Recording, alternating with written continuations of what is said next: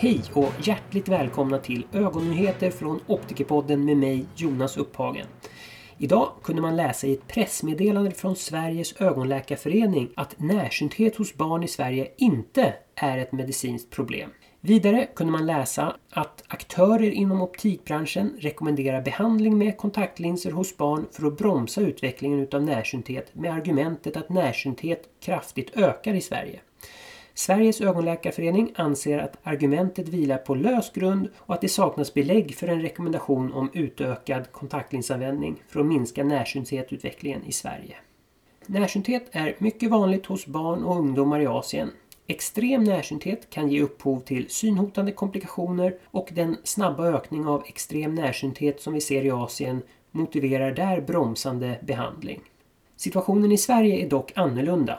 Vi ser en långsammare ökning av närsynthet hos barn och mycket låg andel extrem närsynthet. Vi anser därför att massanvändning av kontaktlinser för att bromsa närsynthetutvecklingen i Sverige endast skulle kunna ge en marginell medicinsk vinst. Som dessutom ska vägas mot de ökade medicinska risker som finns vid kontaktlinsbärande.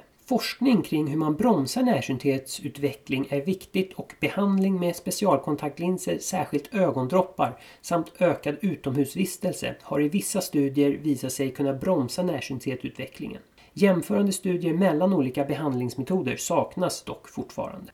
Rune Brautaset, som är ordförande i Sveriges optikerförbund, säger i en kommentar att vi i Optikerförbundet har ingen generell rekommendation om att tillpassa kontaktlinser till barn för att undvika myopi. Vi delar Sveriges ögonläkarförenings uppfattning om att förekomsten av närsynta barn i Sverige inte kan jämföras med den vi ser i Asien. Flera studier har dock visat att kontaktlinser kan begränsa myopiutvecklingen från Optikerförbundets sida rekommenderar vi att barn som från 8 års ålder redan är myopa och där man ser en gradvis ökning av myopin med eller utan föräldrar som är högmyopa kan föreslå en korrigering med kontaktlinser som potentiellt kan begränsa utvecklingen snarare än att tillpassa konventionella kontaktlinser.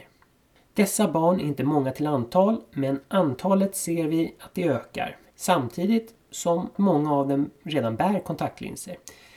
Vi rekommenderar med andra ord inte att korrigera icke-myopa barn med kontaktlinser i preventivt syfte. Att använda kontaktlinser medför alltid en förhöjd risk att drabbas av infektioner som till exempel bakteriell keratit. Vi anser dock att Sveriges ögonläkarförening överdriver denna risk då senaste publicerade siffror för keratit bland barn 8-17 år som använder kontaktlinser ligger mellan 0 och 15 på 10 000 och inte högre än siffran vi ser bland vuxna som bär kontaktlinser. Optikerförbundet delar Sveriges ögonläkarförenings syn på att närsynthet hos barn i Sverige inte är ett generellt medicinskt problem men vi anser att våra medlemmar bör informera och erbjuda kontaktlinser till det fåtal barn som redan från 8 års ålder visar en ökande grad av myopi eller som från 12 till 13 års ålder visar på en rask ökande myopisering. Optikerförbundet hade dessutom gärna sett att Sveriges ögonläkarförening förde en tätare dialog med Optikerförbundet så att vi framöver ska kunna ge gemensamma utspel snarare än att vi behöver bemöta varandras utspel. Eftersom vi båda arbetar för bästa möjliga syn och ögonhälsa till Sveriges befolkning.